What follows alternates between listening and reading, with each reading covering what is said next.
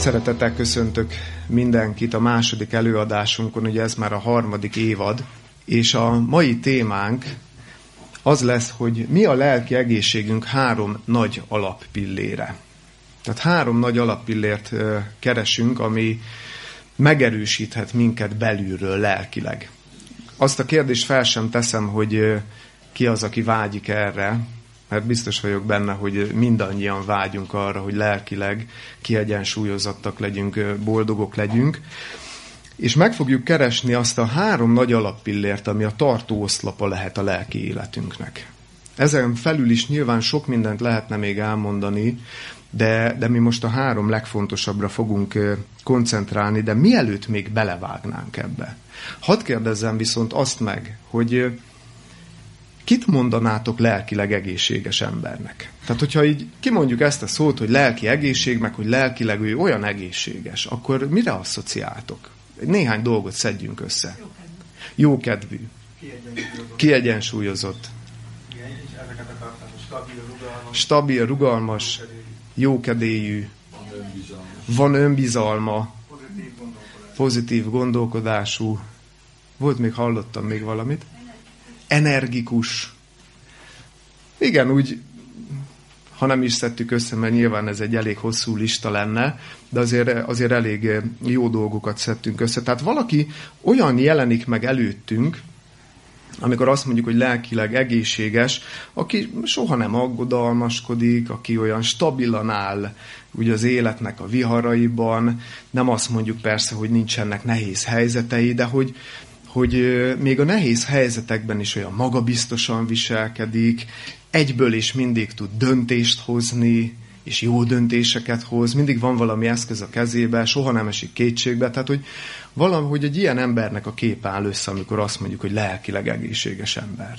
De hogy én elkezdem ezt felsorolni, nekem az a kérdés ötlik fel akkor bennem, hogy, a, hogy talán azt a címet is adhattam volna akkor az előadásnak, hogy hogyan váljunk James Bondá vagy superwomanekké, mert hogy, hogy valóban egy ilyen képet sugallanak nekünk egyébként a filmek és a filmhősök, és pontosan emiatt olyan népszerűek egyébként a szuperhősök, és azért tudunk annyira azonosulni velük, mert valahol mindannyian erre vágyunk. Megnéztek egy ilyen filmet, soha nem esik kétségbe a szuperhős. Mindig van mindenre megoldása. És minden helyzetben magabiztos. Nem fél, bátran megy előre. Hát ki az, aki nem egy ilyen életre vágyik? Nyilvánvalóan mindannyian, de én mégis azt mondom, hogy ez az egyik legnagyobb gazemberség, amit művelnek velünk. Hogy ilyen ö, példaképeket állítanak elénk, mert arra a természetes vágyunkra játszanak rá, ami minden emberbe benne van. Gondoljatok bele. Hát, és nem azzal van a baj, hogy ilyenekre vágyunk. Hát ez teljesen természetes, hogy mindenki kiegyensúlyozott akar lenni, jó döntéseket akar hozni. Tehát ez teljesen természetes, csak az a nagy baj, hogy ezek a filmek megmutatnak egy egy mintát, és egy ilyen illúziót, mint egy mézes madzagot elhúznak előttünk, hogy na, én is ilyen akarok lenni, de azt nem mutatják meg, hogy hogyan kell. Csak mutatnak egy végeredményt. És amikor mi megpróbáljuk valahogyan elérni azt, akkor biztos, hogy kudarc fog érni bennünket a legtöbb esetben, mert nem mutatják meg, hogy hogyan. Csak odaállítanak egy, egy elérhetetlen vágyálmot, és hogyha azt nem érjük el, akkor meg kétségbe és rögtön ott vagyunk, hogy a, hogy a lelki egészségben nem hogy fejlődtünk volna, hanem, hanem visszafele ö, fejlődünk. Ö, ezzel szemben, ezekkel a modern szuperhősökkel szemben, ami szerintem nagyon-nagyon romboló hatással van a lelki életünkre, pont az imént bemutatott folyamat miatt, szeretnék nektek mutatni egy antihőst. Tehát van egy abszolút hős elképzelésünk, hogy a mai világban milyenek a hősök, és hogy nekünk is olyannak kellene lenni. És ezzel szemben hadd mutassa be nektek a Bibliából egy igazi antihőst. Ez az igazi antihős, ez Jeremiás próféta. Sok mindenkit lehetett volna választani, de én Jeremiás prófétát választottam, és csak nagyon röviden szeretném mondani Jeremiás prófétáról, hogy ő miért antihős. Jeremiás próféta azért antihős, mert hát az ő élete az abszolút nem egy James Bond story happy end -el. Jeremiás profétát, amikor elhívta az Isten, azt mondta neki, hogy már az anyamében ismertelek téged, és már akkor profétának kentelek fel téged.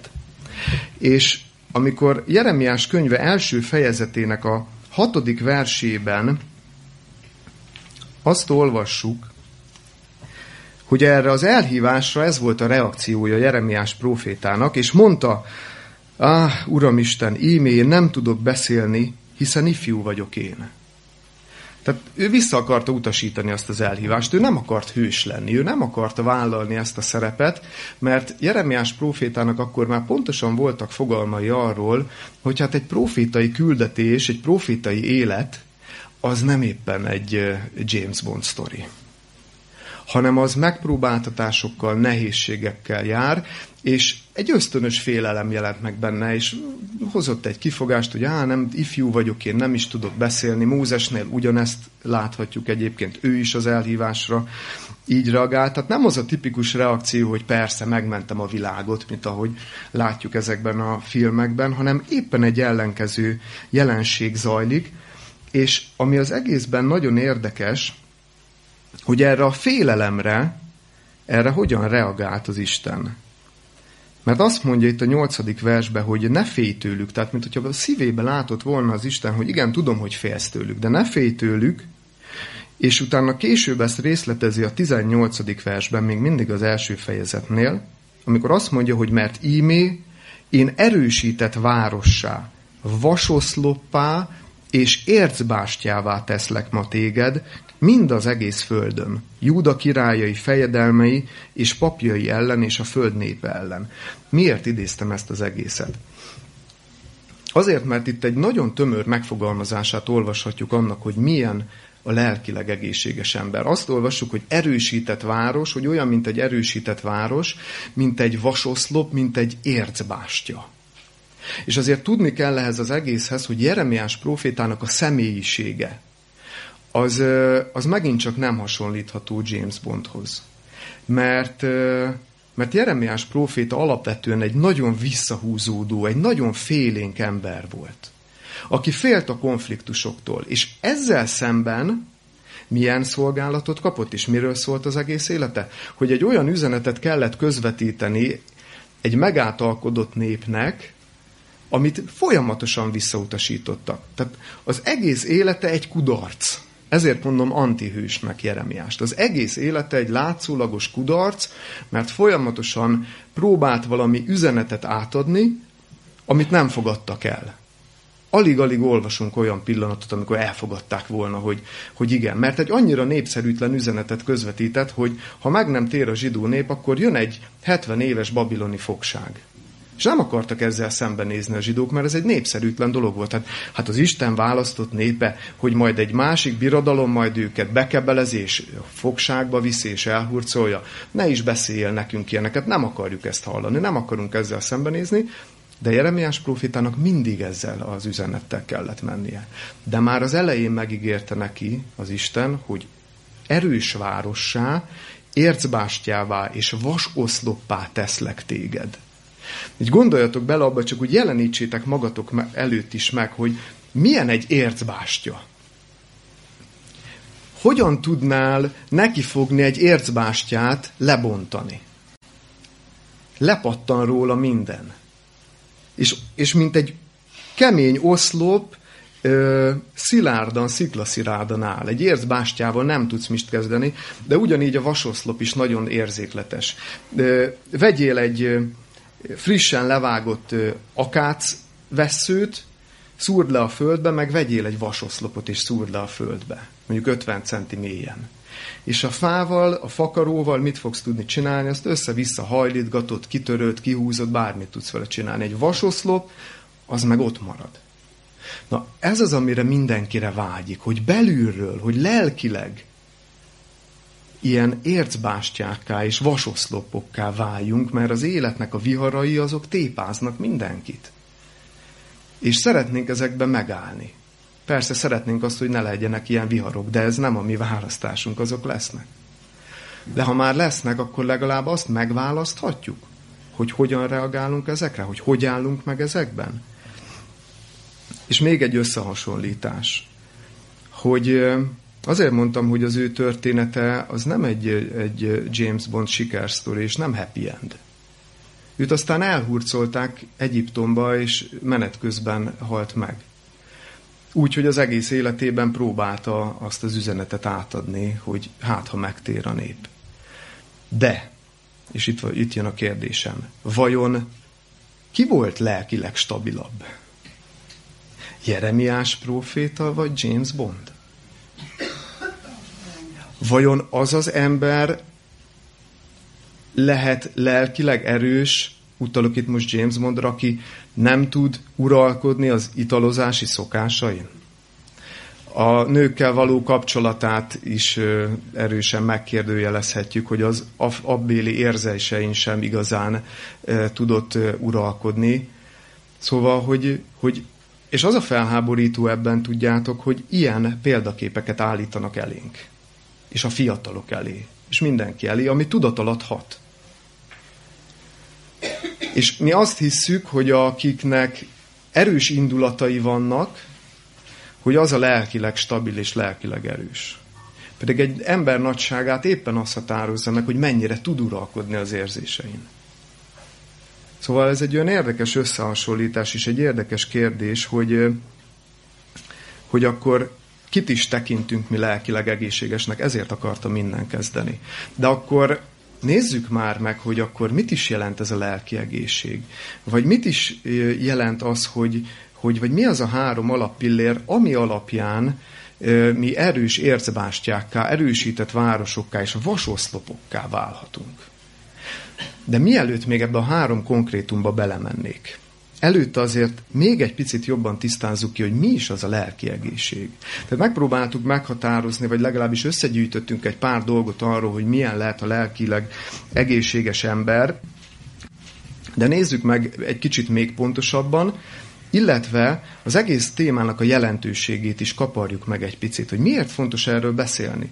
Miért fontos megtudni azt, hogy mitől lehetünk lelkileg egészségesek. Tudom, hogy olyan egyértelműnek tűnik a válasz, de egyáltalán nem biztos, hogy az. És ahhoz, hogy eljussunk ide, szeretnék idézni egy igét a példabeszédek könyve negyedik fejezetéből, a 23. verset.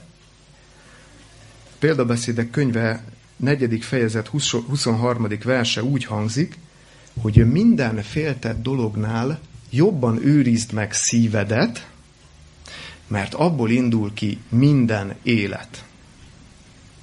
Minden féltelt dolognál jobban őrizd meg szívedet, mert abból indul ki minden élet. Figyeljétek meg, hogy mennyire hangsúlyos a minden szó. Tehát, hogy mindennél jobban vigyázzál a szívedre.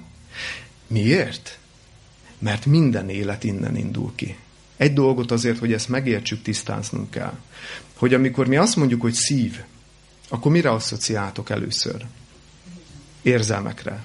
Na, amikor a Bibliában a szív szó szerepel, hogyha megnéznénk azt a sok igehelyet, ahol a szív szó szerepel, akkor azt a következtetést vonhatjuk le, hogy egyáltalán nem csak az érzelmekről van szó.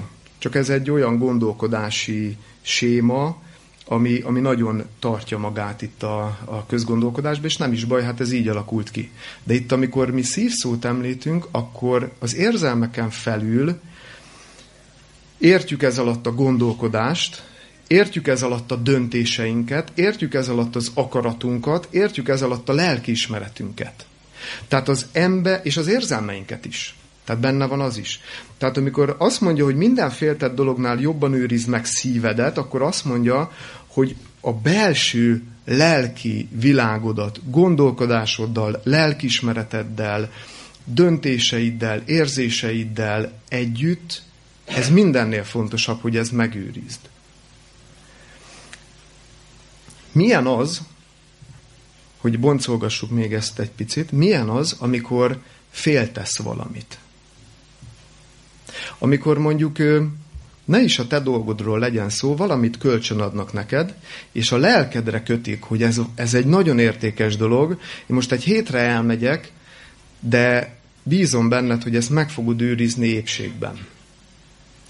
Hogyan viszonyulsz ehhez a dologhoz? Mindegy, hogy mi, valami nagy értékű, tárgy, bármi lehet. Hogyan őrzöd azt? Hogyan félted azt? Úgy az érzés egy feljön egy picit, hogy, hogy arra akkor, mint a szemet fényére figyelsz, akkor elrakod valahova, ahol semmi nem érheti. Becsomagolod, és elrakod, hogy még a gyerekek meg senki ne lássa meg, és hogy esély se legyen arra, hogy valaki belerúg, belebotlik, eldobja, eltörik, el... Na most, hadd kérdezzem meg, így féltjük mi a lelki világunkat? Így a gyakorlatban, hogyha belenézünk, hogy az emberek foglalkoznak azzal, hogy, hogy őrizzék azt, hogy hogyan gondolkoznak? Hogy milyen érzések vannak? Hogy mit engednek be a belső világukba? Nekem kicsit úgy tűnik, mintha nem is vennének arról tudomást az emberek, hogy vannak lelki törvények. Mint hogyha ez nem, nem, nem, nem is lenne semmi. Pedig vannak lelki törvények. Azt mindenki elfogadja, szoktam vele ugye példálózni, hogy vannak fizikai törvények. De az, hogy vannak lelki törvények, azt valahogy senki nem akarja elfogadni, vagy nem foglalkozik vele. Pedig azt mondja itt nekünk ez az ige, hogy minden féltett dolognál jobban őrizd meg. Hogy erre kéne a legtöbb eh, hangsúlyt fektetni az életünkbe, hogy mit engedünk be ide, és hogy ott hogy működnek a folyamatok, hogyan gondolkozok, hogyan érzek, hogyan működik a lelkiismeretem. Milyen eseményeknek teszem ki magamat az életben, ami befolyásol engem jó vagy rossz irányba. És mintha ezeket így nem is vennénk számításba. Ön érdekes nekem azt megfigyelnem, hogy amikor a testi egészségről van szó, akkor valahogy ez sokkal jobban terítékre kerül. Már-már azt mondhatjuk, hogy divattá vált az egészséges életmód. És ennek van egy ilyen hulláma most. Hogy még a testi egészséggel is sokkal többet törődnek az emberek, mint a lelki egészséggel. Pedig azt is mondja nekünk ezzel ez az ige, hogy minden féltett dolognál jobban őrizd meg, gondoljatok bele, teljesen logikus, hogy azért, nem csak azért kell minden féltett dolognál jobban megőrizni, mert minden élet ebből indul ki, amit mondjuk ugye úgy fogalmazhatunk meg, hogy minden a gondolkodásunkból indul ki, nem? Tehát ha a gondolataink, mert ott születik meg minden a gondolataink szintjén. És hogyha ott baj van, akkor az majd meg fog jelenni előbb-utóbb a fizikai síkon is, a valóságban. De nem csak ezért mondja, hanem azért is, mert hogy ez mindennél törékenyebb. Na ez az, amivel nem akarunk annyira szembenézni, hogy a belső lelki világunk az egy olyan érzékeny műszer, a lelkiismeretünk, az érzéseink. Ez egy olyan érzékeny műszer, ami minden másnál törékenyebb. Ezt, ezt nagyon óvni kellene. Ezt nagyon óvni kellene. És azt mondja, hogy ugye őrizd meg. Tehát óvjad. Őrizd meg.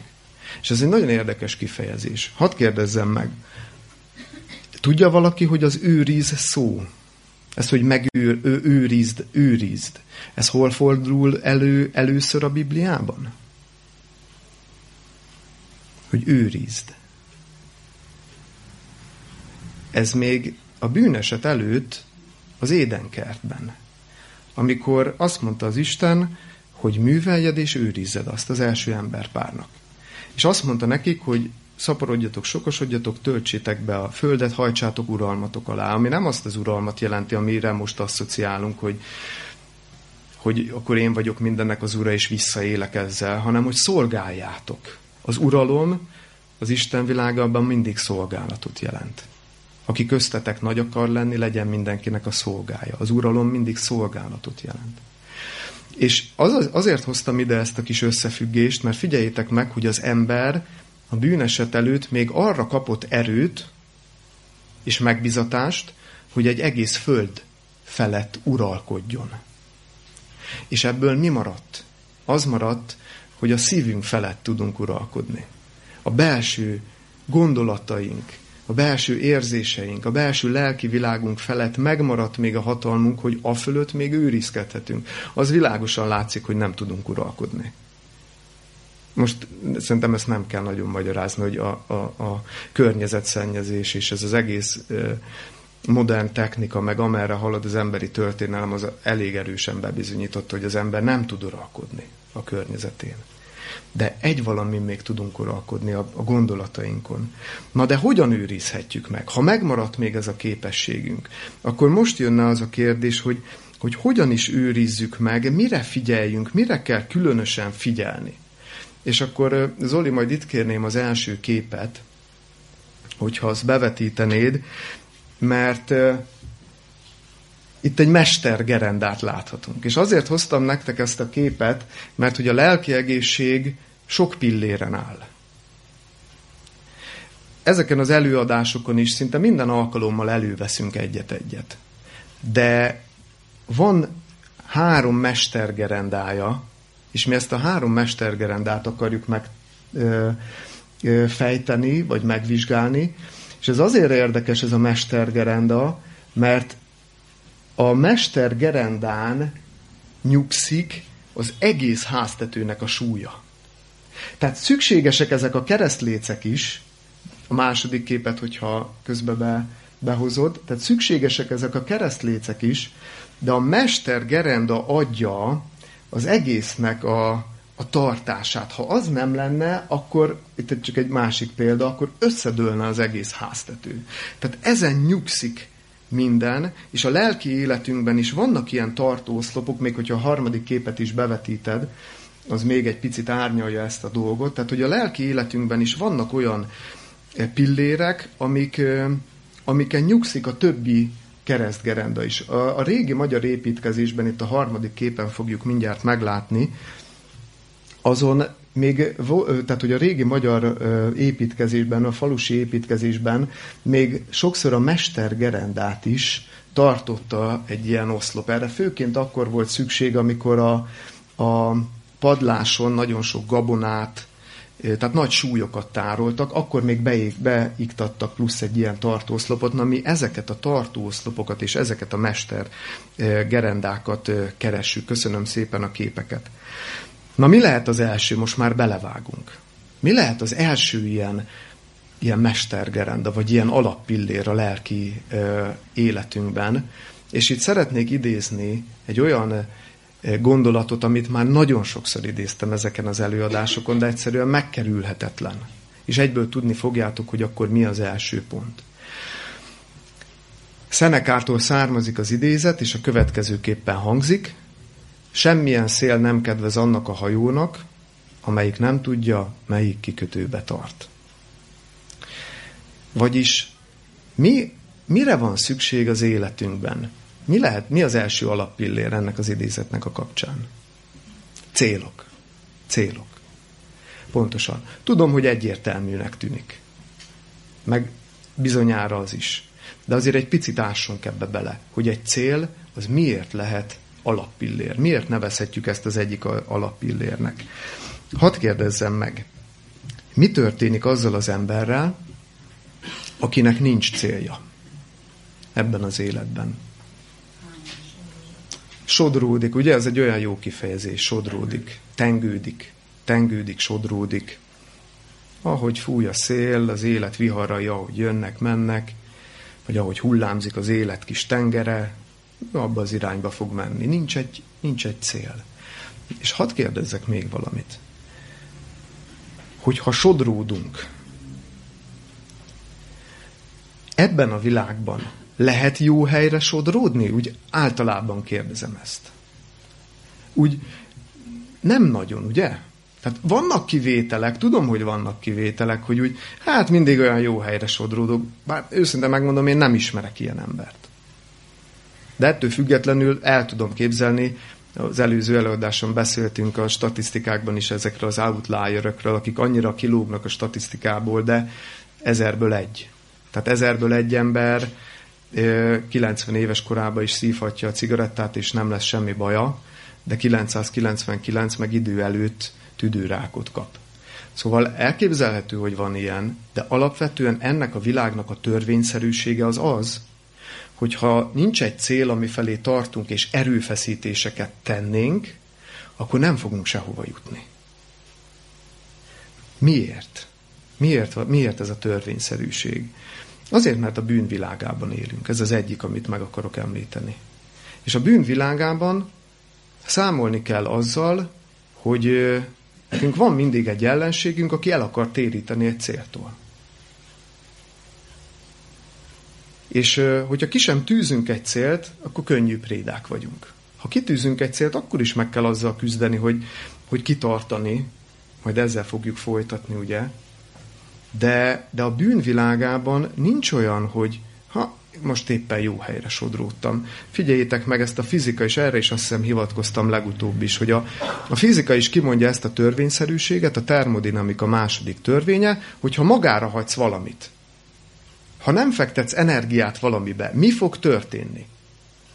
Mi fog történni a kerteddel, hogyha nem fektetsz bele energiát?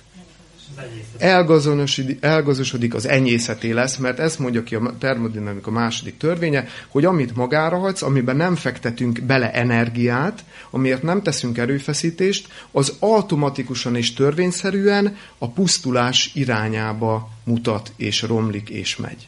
Ez az emberi életünkkel is ugyanígy van. Nincs különbség. A másik oka, hogy nem tudunk csak úgy jó helyre sodródni, és nagy rizikót vállal, aki ö, az életművész pályát választja, mert van a természetünknek egy nagyon jellegzetes tulajdonsága. Ez pedig nem más, mint a lustaság. Ami elemi erővel tör fel, és van jelen az életünkben. Most csak nagyon egyszerűen, hogyha meg akarom világítani. Akkor, hogyha sodródunk, vagy ahhoz, hogy sodródjunk, ki kell fejteni bármilyen erőt? Semmilyen erőt nem kell ugye hozzá kifejteni. Viszont ahhoz, hogy elérjünk valamit, ki kell fejteni erőt? Ahhoz igen. Most gondoljatok bele, hogy valaki ott van a kis csónakjába, és nem tesz semmit. Az a csónak nem fog, arra fog menni, amerre éppen hullámzik a víz. Ahhoz, hogy te felhúzd a vitorlát, hogy gondolkozzál azon, hogy merre is tartok, hogy ott kiszámolt, hogyha most ilyen régi módszereknél vagyunk, még csillagállásból számoltak dolgokat, nyilván most már a GPS-szel sokkal egyszerűbb a dolog, de akkor is tudatos erőfeszítést kell tenni, hogy én valamerre tartsak, és akkor legalább arra kormányozzam a, a hajót. Na most ha valamiért erőfeszítést kell tenni, meg ha valamiért nem kell erőfeszítést tenni, akkor ösztönösen ti merre hajoltok? Ugye? A kisebb ellenállás irányába megyünk. Törvényszerűen a kisebb ellenállás irányába megyünk, mert ennyire benne van a természetünkben a lustaság. Vagy egy másik gondolat, ez is egy nagyon elterjedt és hasznos megfigyelés, tapasztalati megfigyelés, idősek, idős emberek. Nagyon gyakran megesik, ugye, hogy idős házaspár elveszti, vagy az, az egyik idős ember elveszíti a másikat, tehát meghal a férje, felesége.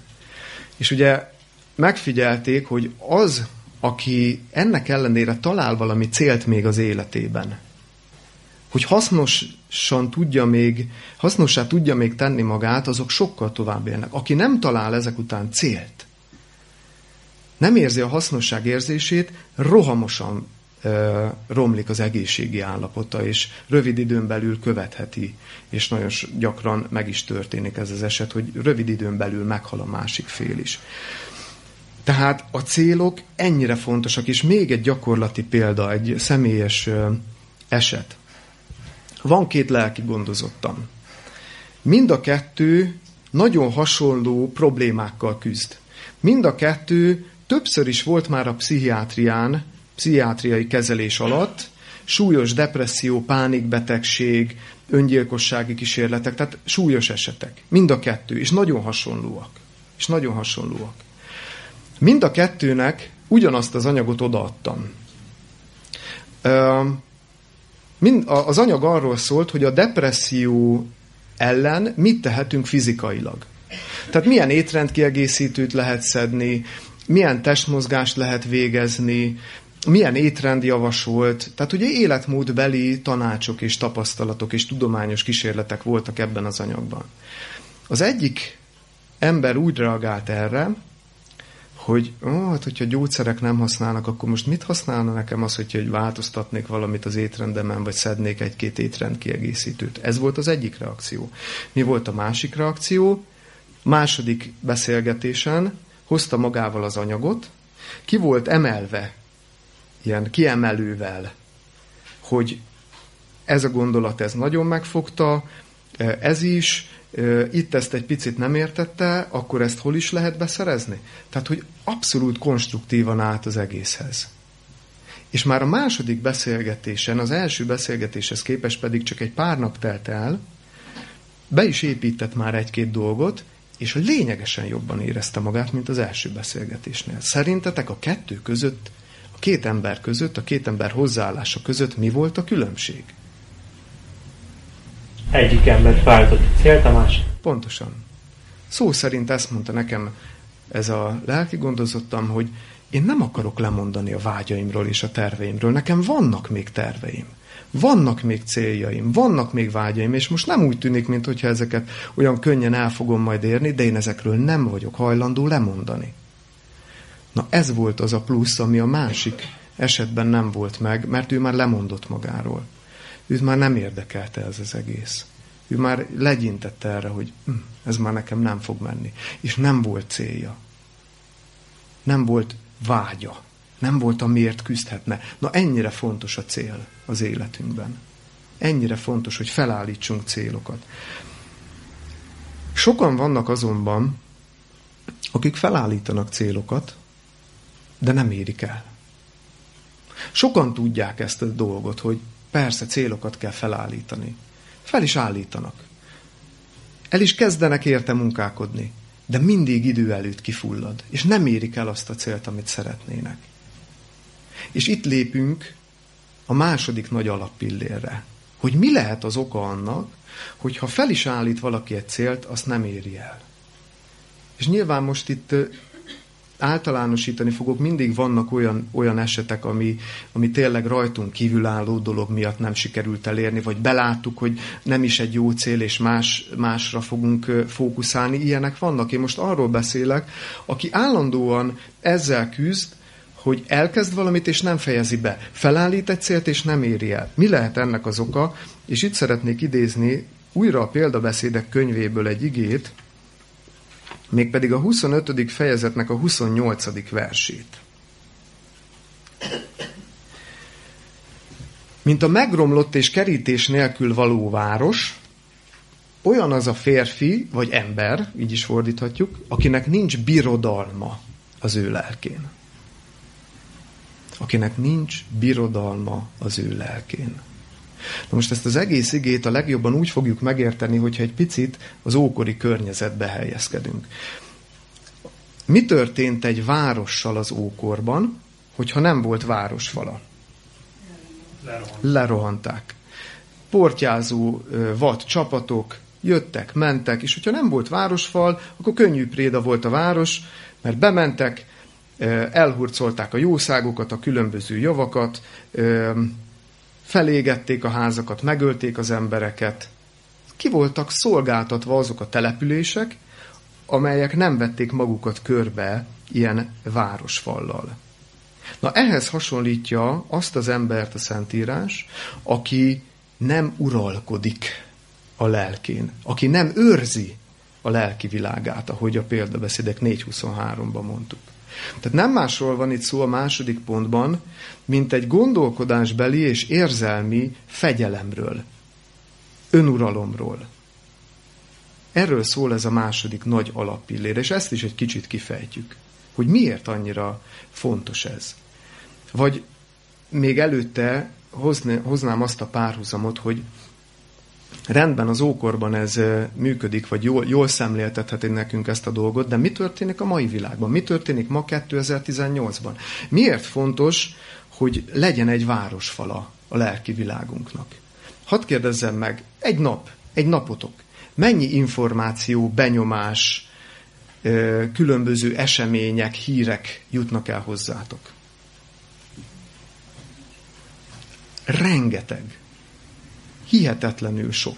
Folyamatosan ingerek, érnek bennünket, folyamatosan különböző eseményeknek vagyunk kitéve, az információról ne is beszéljünk, hogy, hogy mennyi információ van, anélkül, hogy most nem arra gondolunk, hogy leülünk, és akkor elolvasunk egy cikket, vagy az interneten felmegyünk egy, egy híroldalra, és akkor ott elkezdünk bogarászni. Mész az utcán, plakát hegyek, bekapcsolod a rádiót, mindenhonnan töményen zúdul rád az információ.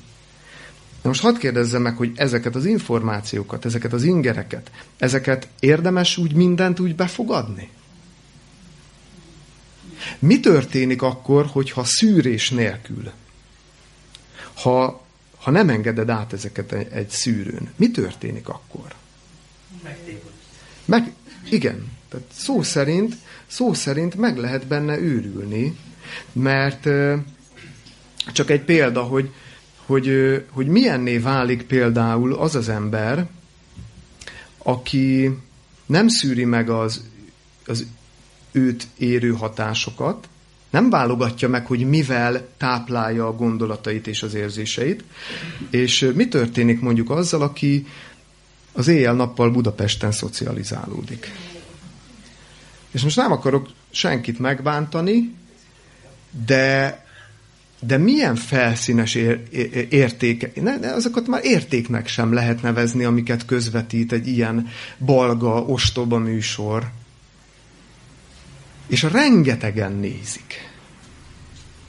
De a szemlélés törvénye az kimondja, hogy olyanná válunk, amit nézünk. Hiába nem akarunk olyanná válni, olyanná fogunk válni. Amit szemlélsz, az a világod. Vagy beengeded ezt a rengeteg információt, és túlterhelődsz. Egyszerűen az emberi idegrendszer az nem erre van tervezve. Nem erre az írtózatos pörgésre. Nem erre a mennyiségű információ áradatra. Nem is tudom, valamelyik őtökkel beszélgettem egyszer, ez csak egy pici szelete, hogy venni akarsz valamit. Régen hogyan működött, elmehettél a skálába, meg a vasedénybe. Az kész. Volt két választási lehetőséged. Most mi van? Árukereső, meg árgép, hol, hol a legjobb, de minden cég akciózik, akkor még nem veszem meg, mert hát, ha majd lesz egy akció, és közben kétségbe esel, és ott nyomja a lelkedet az a gondolat, hogy de mi van, ha nem a legjobb ajánlatot fogom megvenni. Hogyha, és miről van szó? Hogy az egyik helyen 200 forinttal megveheted olcsóbban. És 200 forintért eladjuk a lelkünket. Hogyha sarkítva mondom, és ezt a dolgot is, de értsétek jól. 200 forintért hajlandóak vagyunk rossz érzéseket okozni magunknak, és lelkileg kikészíteni magunkat.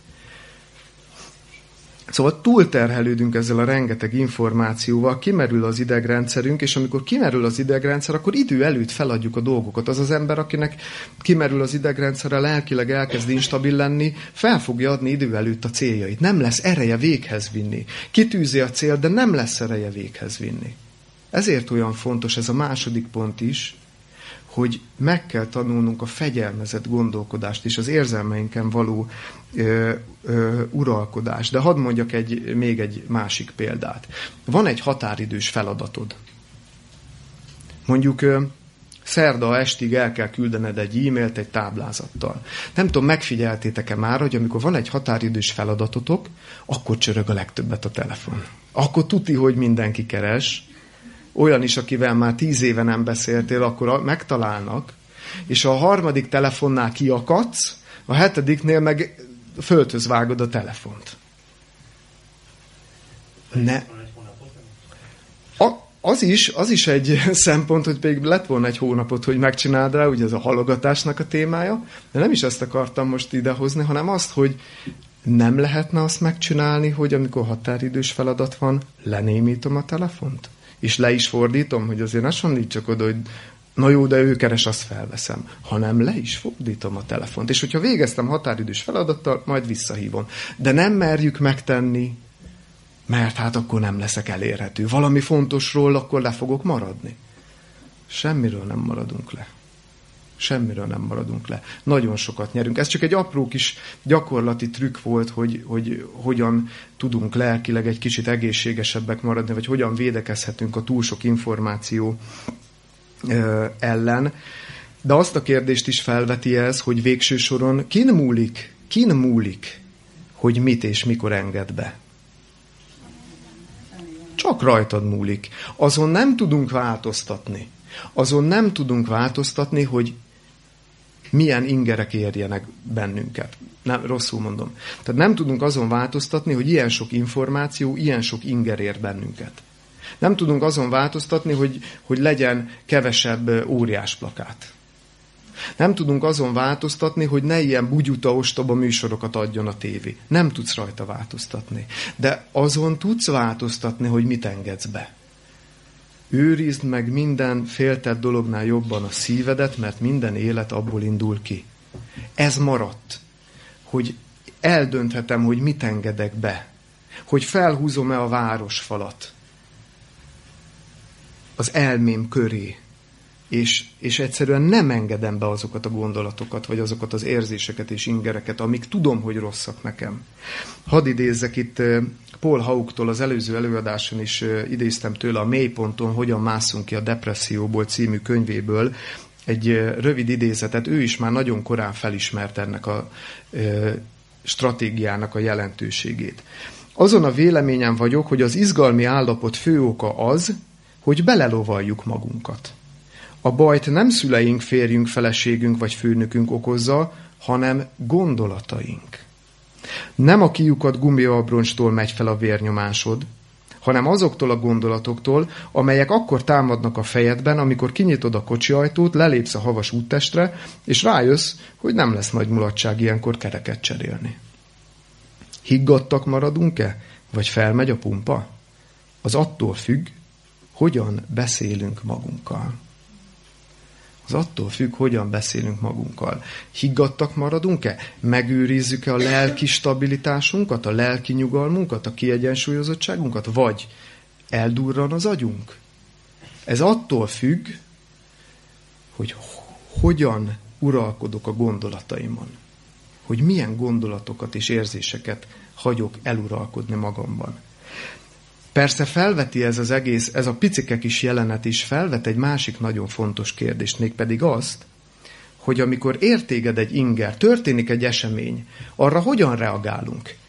Érzelmileg vagy gondolatailag reagálunk először? Az érzelmi reakció a legelső. Az érzelmi reakció mindig megelőzi a gondolati és lelkiismereti választ. Miért? Mert nem kell hozzá erőt kifejteni. Mert az érzés jön teret engedtem neki. Ahhoz, hogy átgondoljak egy szituációt, ahhoz már energiabefektetés kell. Hogy, hogy lelkismeretileg megvizsgáljam a kérdést, ehhez, ehhez, ehhez idő kell. Az érzelmi reakció mindig nagyon gyors. Daniel Golemannek, aki az érzelmi intelligencia kutatásnak az egyik nagy úttörője, és jelenleg is az egyik legnagyobb szakértője, a következőt mondja erre. Az érzelmi elme sokkal gyorsabban dolgozik, mint a racionális elme. Akcióba lép anélkül, hogy egy pillanatig is, pillanatig is mérlegelné, mit cselekszik. Ismerős érzés? Megbántanak. És megsértődök. Egyből. És rögtön anélkül, hogy átgondolnám, hogy lehet, hogy a másik nagyobb bajban van, mint én egyébként. Meg nekem csak az önérzetem sérült. Szóval mindig, mindig úgy ö, reagál, hogy nem is mérlegeli hogy mit cselekszik. Ez a gyorsaság, is most ez a gyorsaság áll útjába a gondolkodó elmére jellemző szándékos, elemző reflexiónak. Az érzelmet kiváltó momentum és az érzelem kitörése között szinte nincs is intervallum, az érzékelés becslő mechanizmus tehát agyi mércével is kivételesen gyors, beéri ezred másodpercekkel. Tehát ennyire gyors tud lenni az érzelmi reakció, de az azt hiszem, hogy mindannyiunk számára világos, hogy egyből reagálunk. Na most az, hogy ez mennyire nem kívánatos, az szerintem tiszta sor. Azt szerintem mindenki lesz, vagy mindenkivel leszögezhetjük, hogy, hogy érzelmileg reagálni rögtön és azonnal mérlegelés és átgondolás nélkül nem jó. Nem jó irányba viszi az embert. Hányszor volt, hogy megbántuk, jaj, nem így kellett volna. Csak túl gyors volt az érzelmi reakció.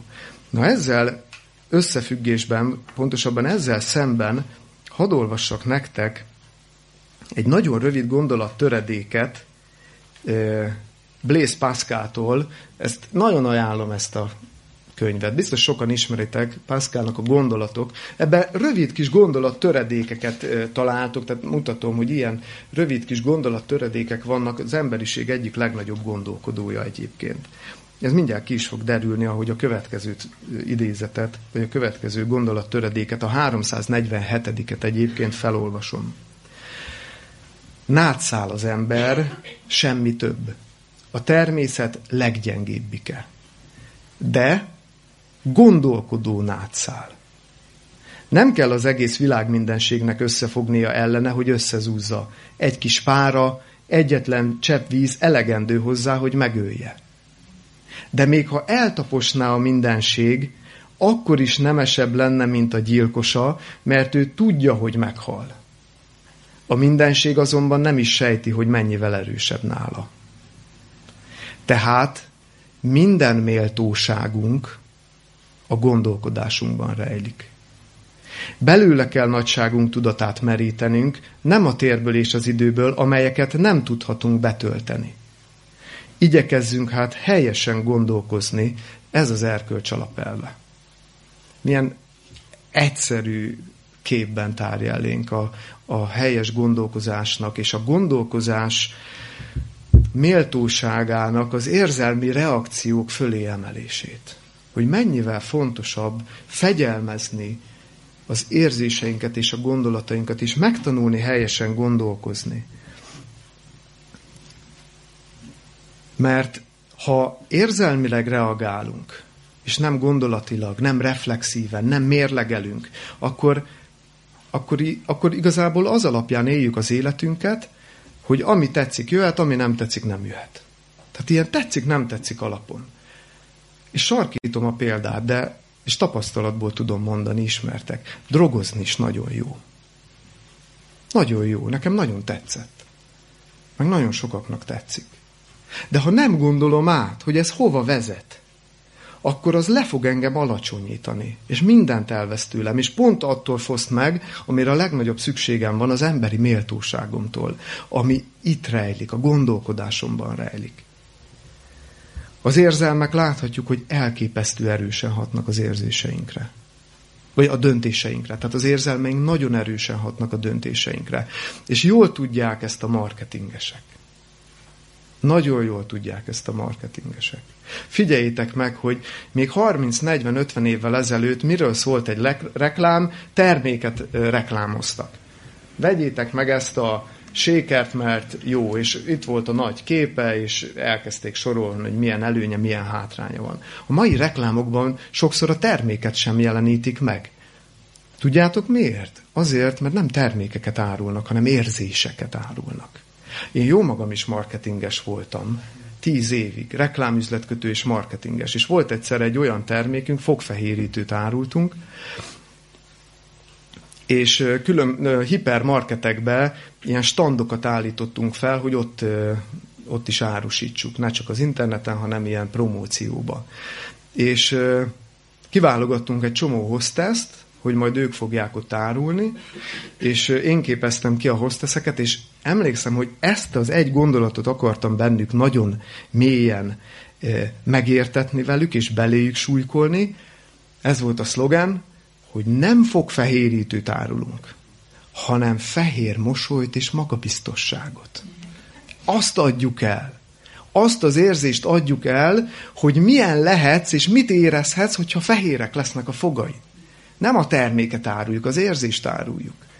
Nem véletlenül váltottam a marketinges szakmából, mert becsömörlöttem tőle. És ezt tudatosan és szándékosan használják ki a reklámszakemberek, és appellálnak az érzéseinkre. Appellálnak arra, hogy az érzelmi reakciónk sokkal gyorsabb, mint a, a tudatos reakció. És ránk súznak mindent, amire nincs is szükségünk. Nincs rá szükségünk, mégis kétségbe esünk, hogyha nem lesz a miénk. Tehát értitek, hogy milyen kifacsarodott és kitekert világban élünk? És mit tehetünk ez ellen? Hogy elkezdünk gondolkozni. hogy elkezdünk gondolkozni, de ez nagy kérdés, hogy ha ennyire erősek ezek az érzelmi reakciók, akkor hogyan és mit tudunk ez ellen tenni? És itt a Paul Haukra utalnék vissza, illetve egy másik idézetét hadd olvassam tőle, ugyanabból a könyvből. Azt mondja, mindössze annyi a teendőnk ilyenkor, hogy változtassunk gondolkodásunkon, és érzéseink drámai változását észleljük.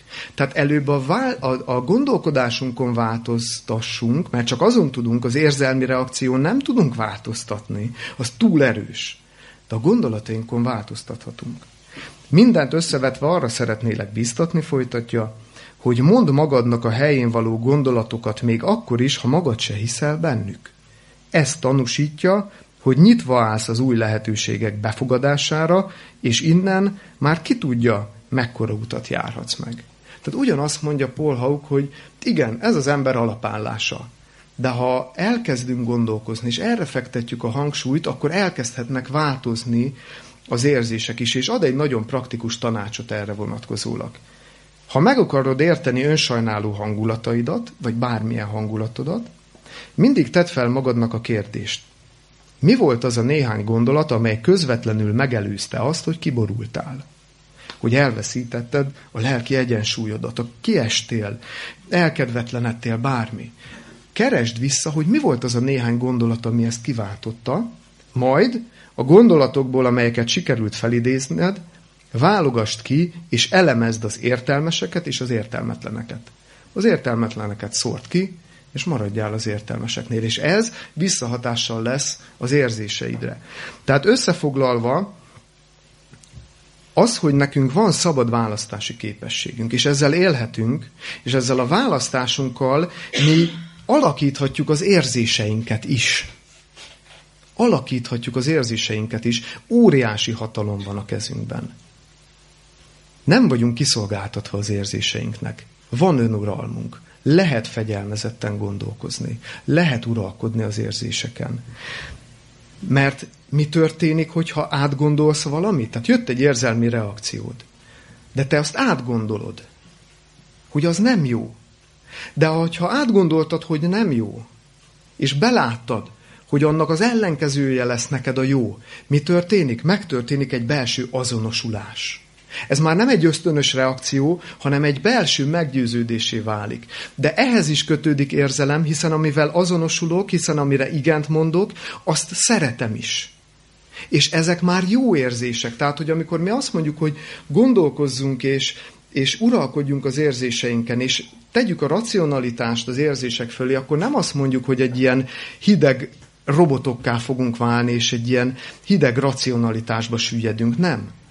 Csak arról van szó, hogy a gondolatainkkal uraljuk az érzéseinket, és meg fognak ennek hatására változni az érzéseink is. Ami eddig ösztönös volt, az eltűnik, mert sokszor ez csak rossz felé visz minket, és megjelennek olyan pozitív érzések, amik tovább segítenek bennünket, hogy amit elkezdtünk, mert itt beláttuk, az, azon az úton tovább tudjunk haladni. És lehet, hogy éppen ez segít minket, hogy majd elérjük a célunkat, mert minden más el fog bennünket vonni a, a céltól. Le kell tennem azt a vizsgát, de barátokkal akarok lenni. Egyszerű példát hozok. De ha én közben átgondolom, akkor, akkor azonosulok, és megszeretem azt a gondolatot, és ez pozitív érzést fog belőlem kiváltani. Tehát nem kell attól félni, hogy ez a gondolkodásbeli és érzelmi fegyelem ez valami robotokká fog minket tenni. Ellenkezőleg megszépíti az életet, mert teljes szívből való cselekvésre késztet.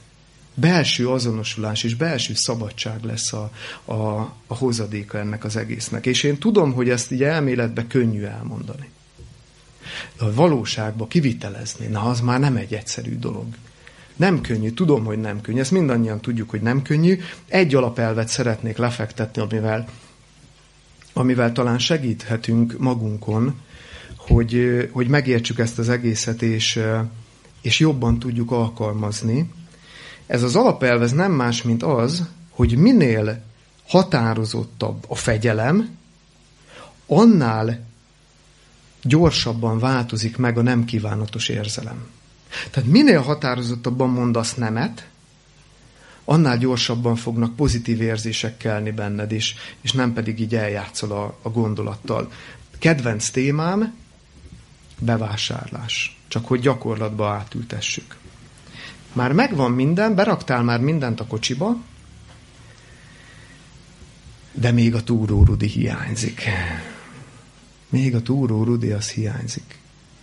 És elkezdesz játszani a gondolattal. Hmm, Oké, okay, múltkor hatot vettem, az kicsit sok volt, most az egyet azért megkockáztatom, és így már a kocsit tolod is a hűtős pult irányába, és már vesztettél.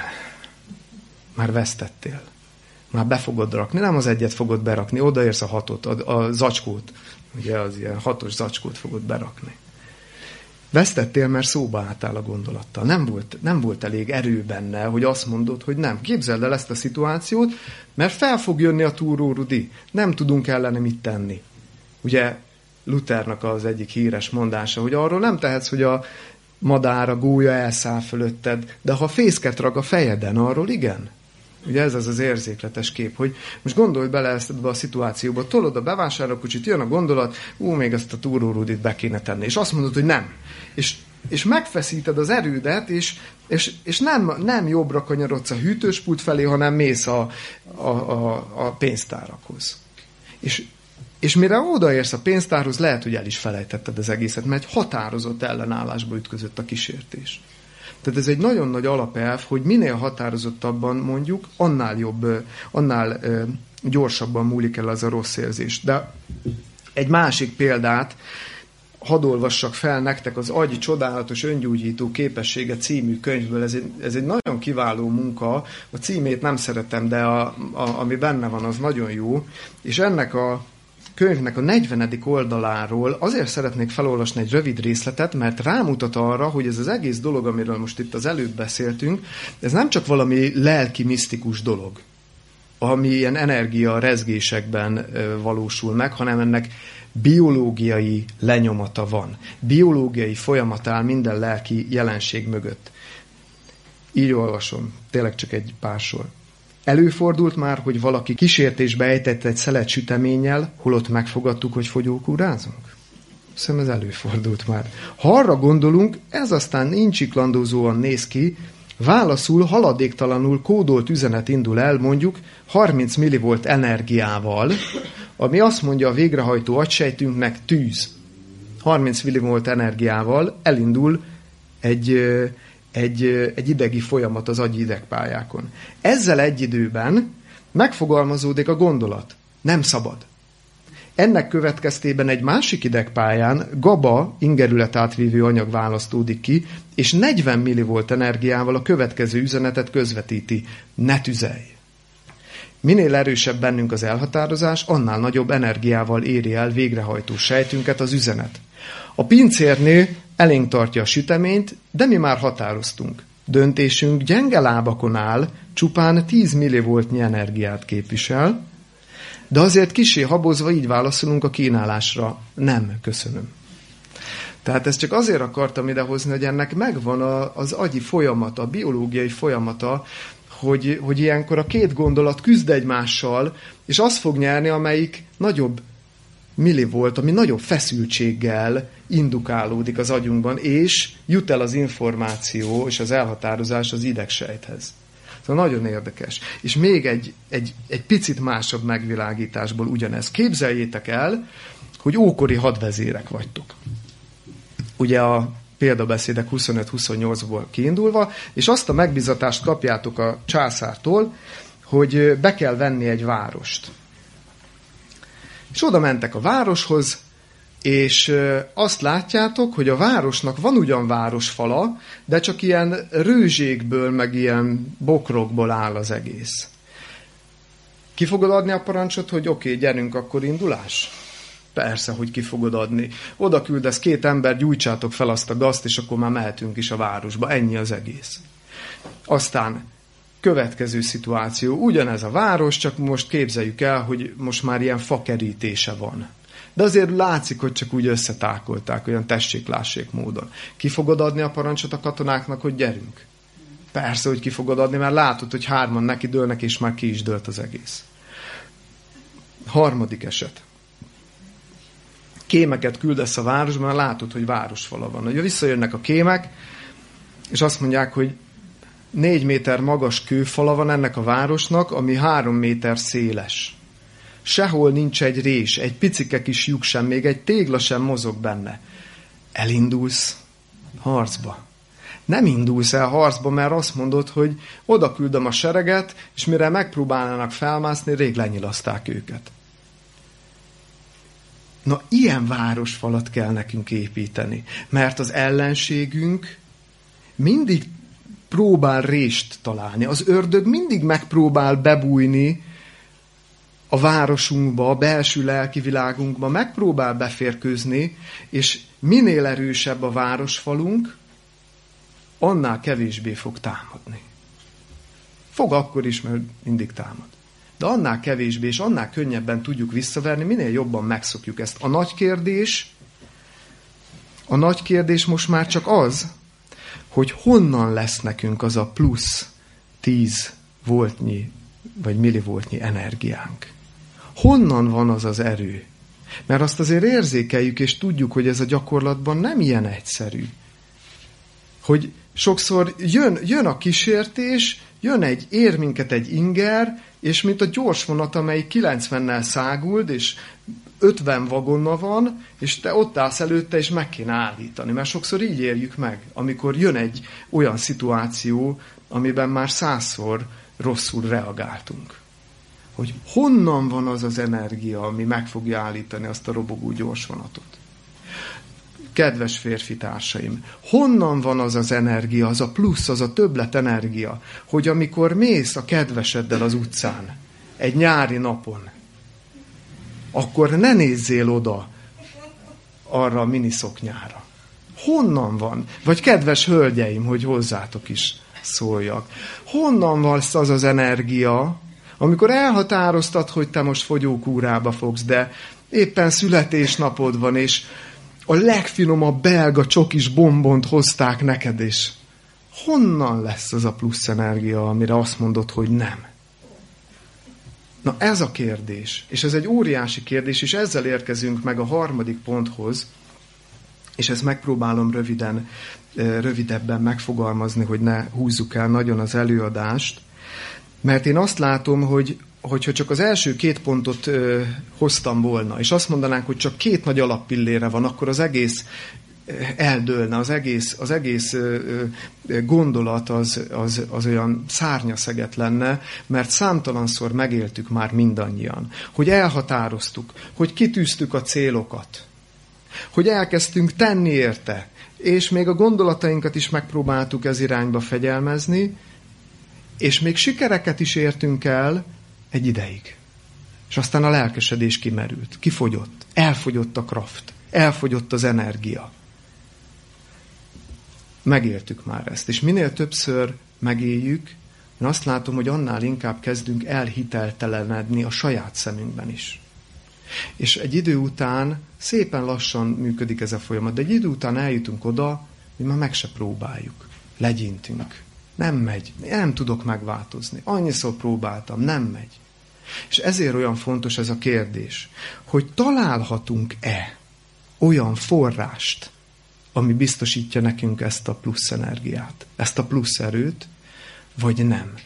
És alapvetően erre a kérdésre az emberiség az egész története folyamán két választ ad.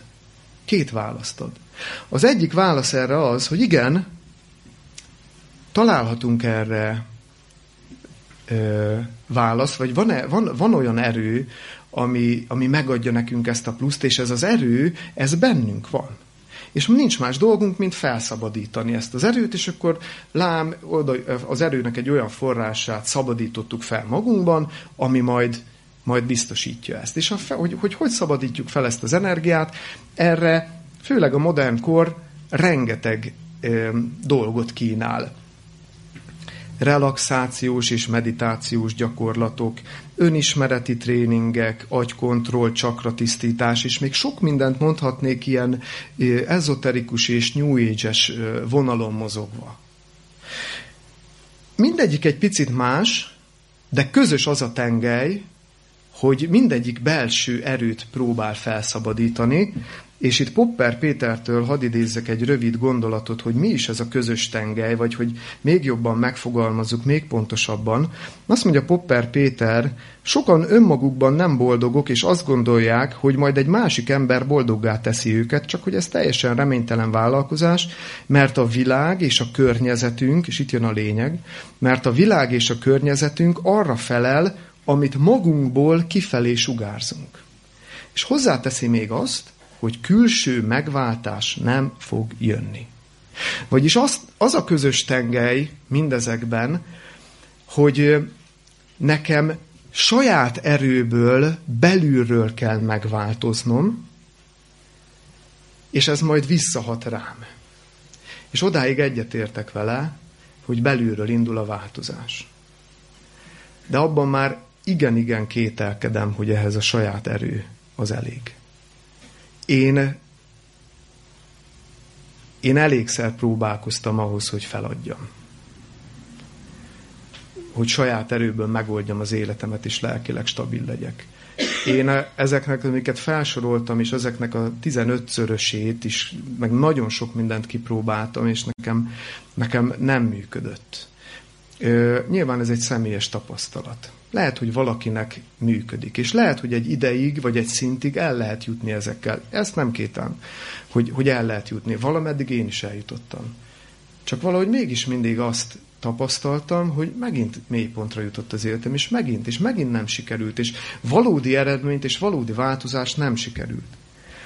A másik Szóval ez az egyik válasz az emberiségnek, hogy így lehet. Szabadíts fel a benned rejlő energiákat, hogy ilyen nagyon divatos szlogennyel éljek.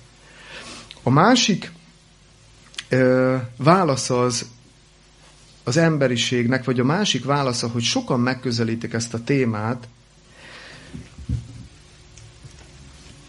az pedig az, hogy ez a, az erő, ez külső forrásból hozzáférhető.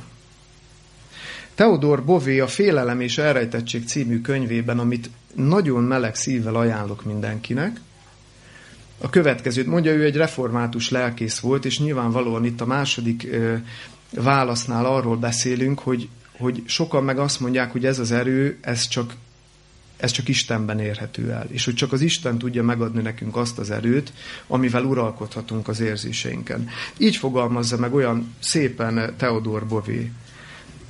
Azt mondja, Krisztus nem hit akrobatákat vár el tőlünk, hogy olyan dolgokat kellene valónak tartanunk, amelyeket értelmünk soha nem tudna elfogadni. Viszont belép az életünkbe, és bebizonyítja nekünk hatalmát. Először csak kis dolgokban, úgy, hogy csodálkozunk, mint Nátánel, akit Jézus a fügefa alatt látott. Csodálkozunk, ha elvétetik dohányos szenvedélyünk, ha elveszítjük gyűlöletünket ellenségünkkel szemben, ha nyugtalan szívünkbe béke költözik.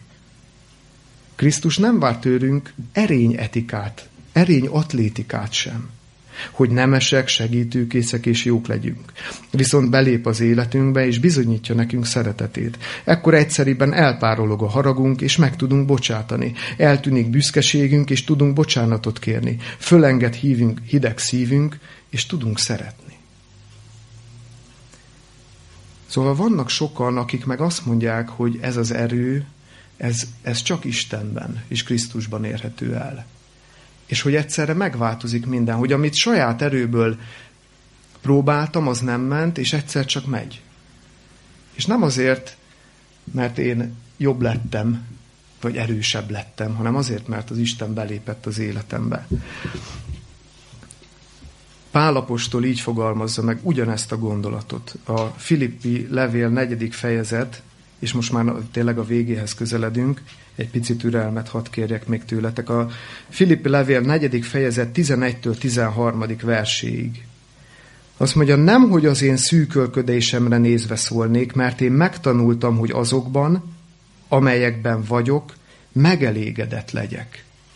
Tudok megaláztatni és tudok bővölködni is. Mindenben és mindenekben ismerős vagyok, A jól lakással is, az éhezéssel is, a bővölködéssel is, a szűkölködéssel is. Mit mond itt Pál apostol? Milyen képet tár elénk? Hogy az élet bármilyen eseményt hozott elé, bármilyen körülmények közé helyezte, ő tudott megelégedett lenni, tudott boldog lenni, tudott kiegyensúlyozott lelki életet élni, függetlenül a körülményektől. Bővölködni is, szűkölködni is, éhezni is, jól lakni is. De mi volt a titka? Mindenre van erőm a Krisztusban, aki engem megerősít. Így fejezi be ezt a gondolatmenetet. Azt mondja, hogy ez nem azért van, mert ő valami szerencsés képességekkel született volna, hanem azért, mert volt valaki az életében, aki erőt adott ehhez az egészhez.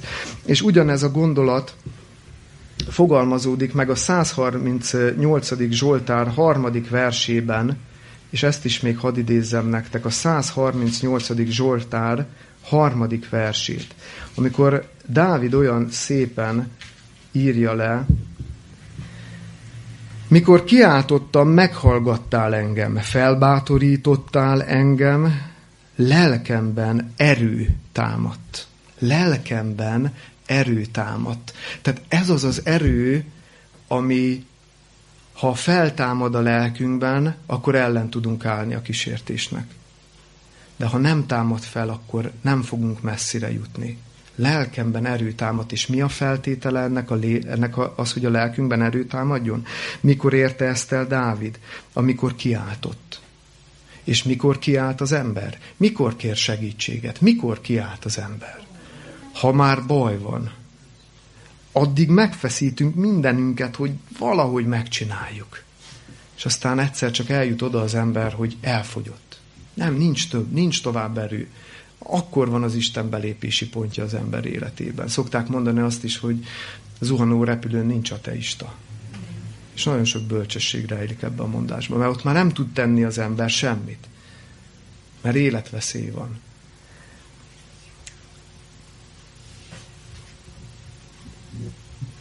De ahhoz, hogy kiáltsunk, ahhoz, hogy segítséget kérjünk, el kell jutni ehhez a pontig. Belátni, hogy nem megy tovább. De a belátáson kívül, hogy belátom, hogy nem megy tovább, kell még valami.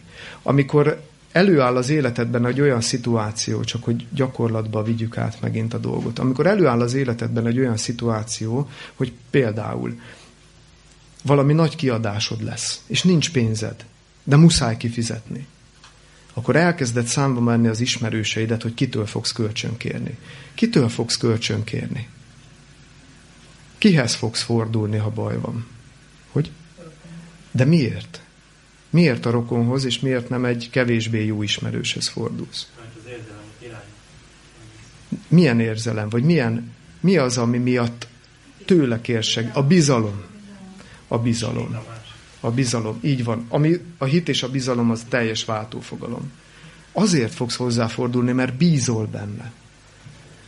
Ez a harmadik alappillére a lelki egészségünknek, az Istenbe vetett bizalom. És figyeljétek meg ezt az egészet, hogy, hogy ha, ha vannak célok, csak tényleg összefoglalásképpen, hogyha vannak céljaid, az már irányt ad az életednek, az már ad egy stabilitást, ott már kihúzod magadat, és lelkileg stabil vagy.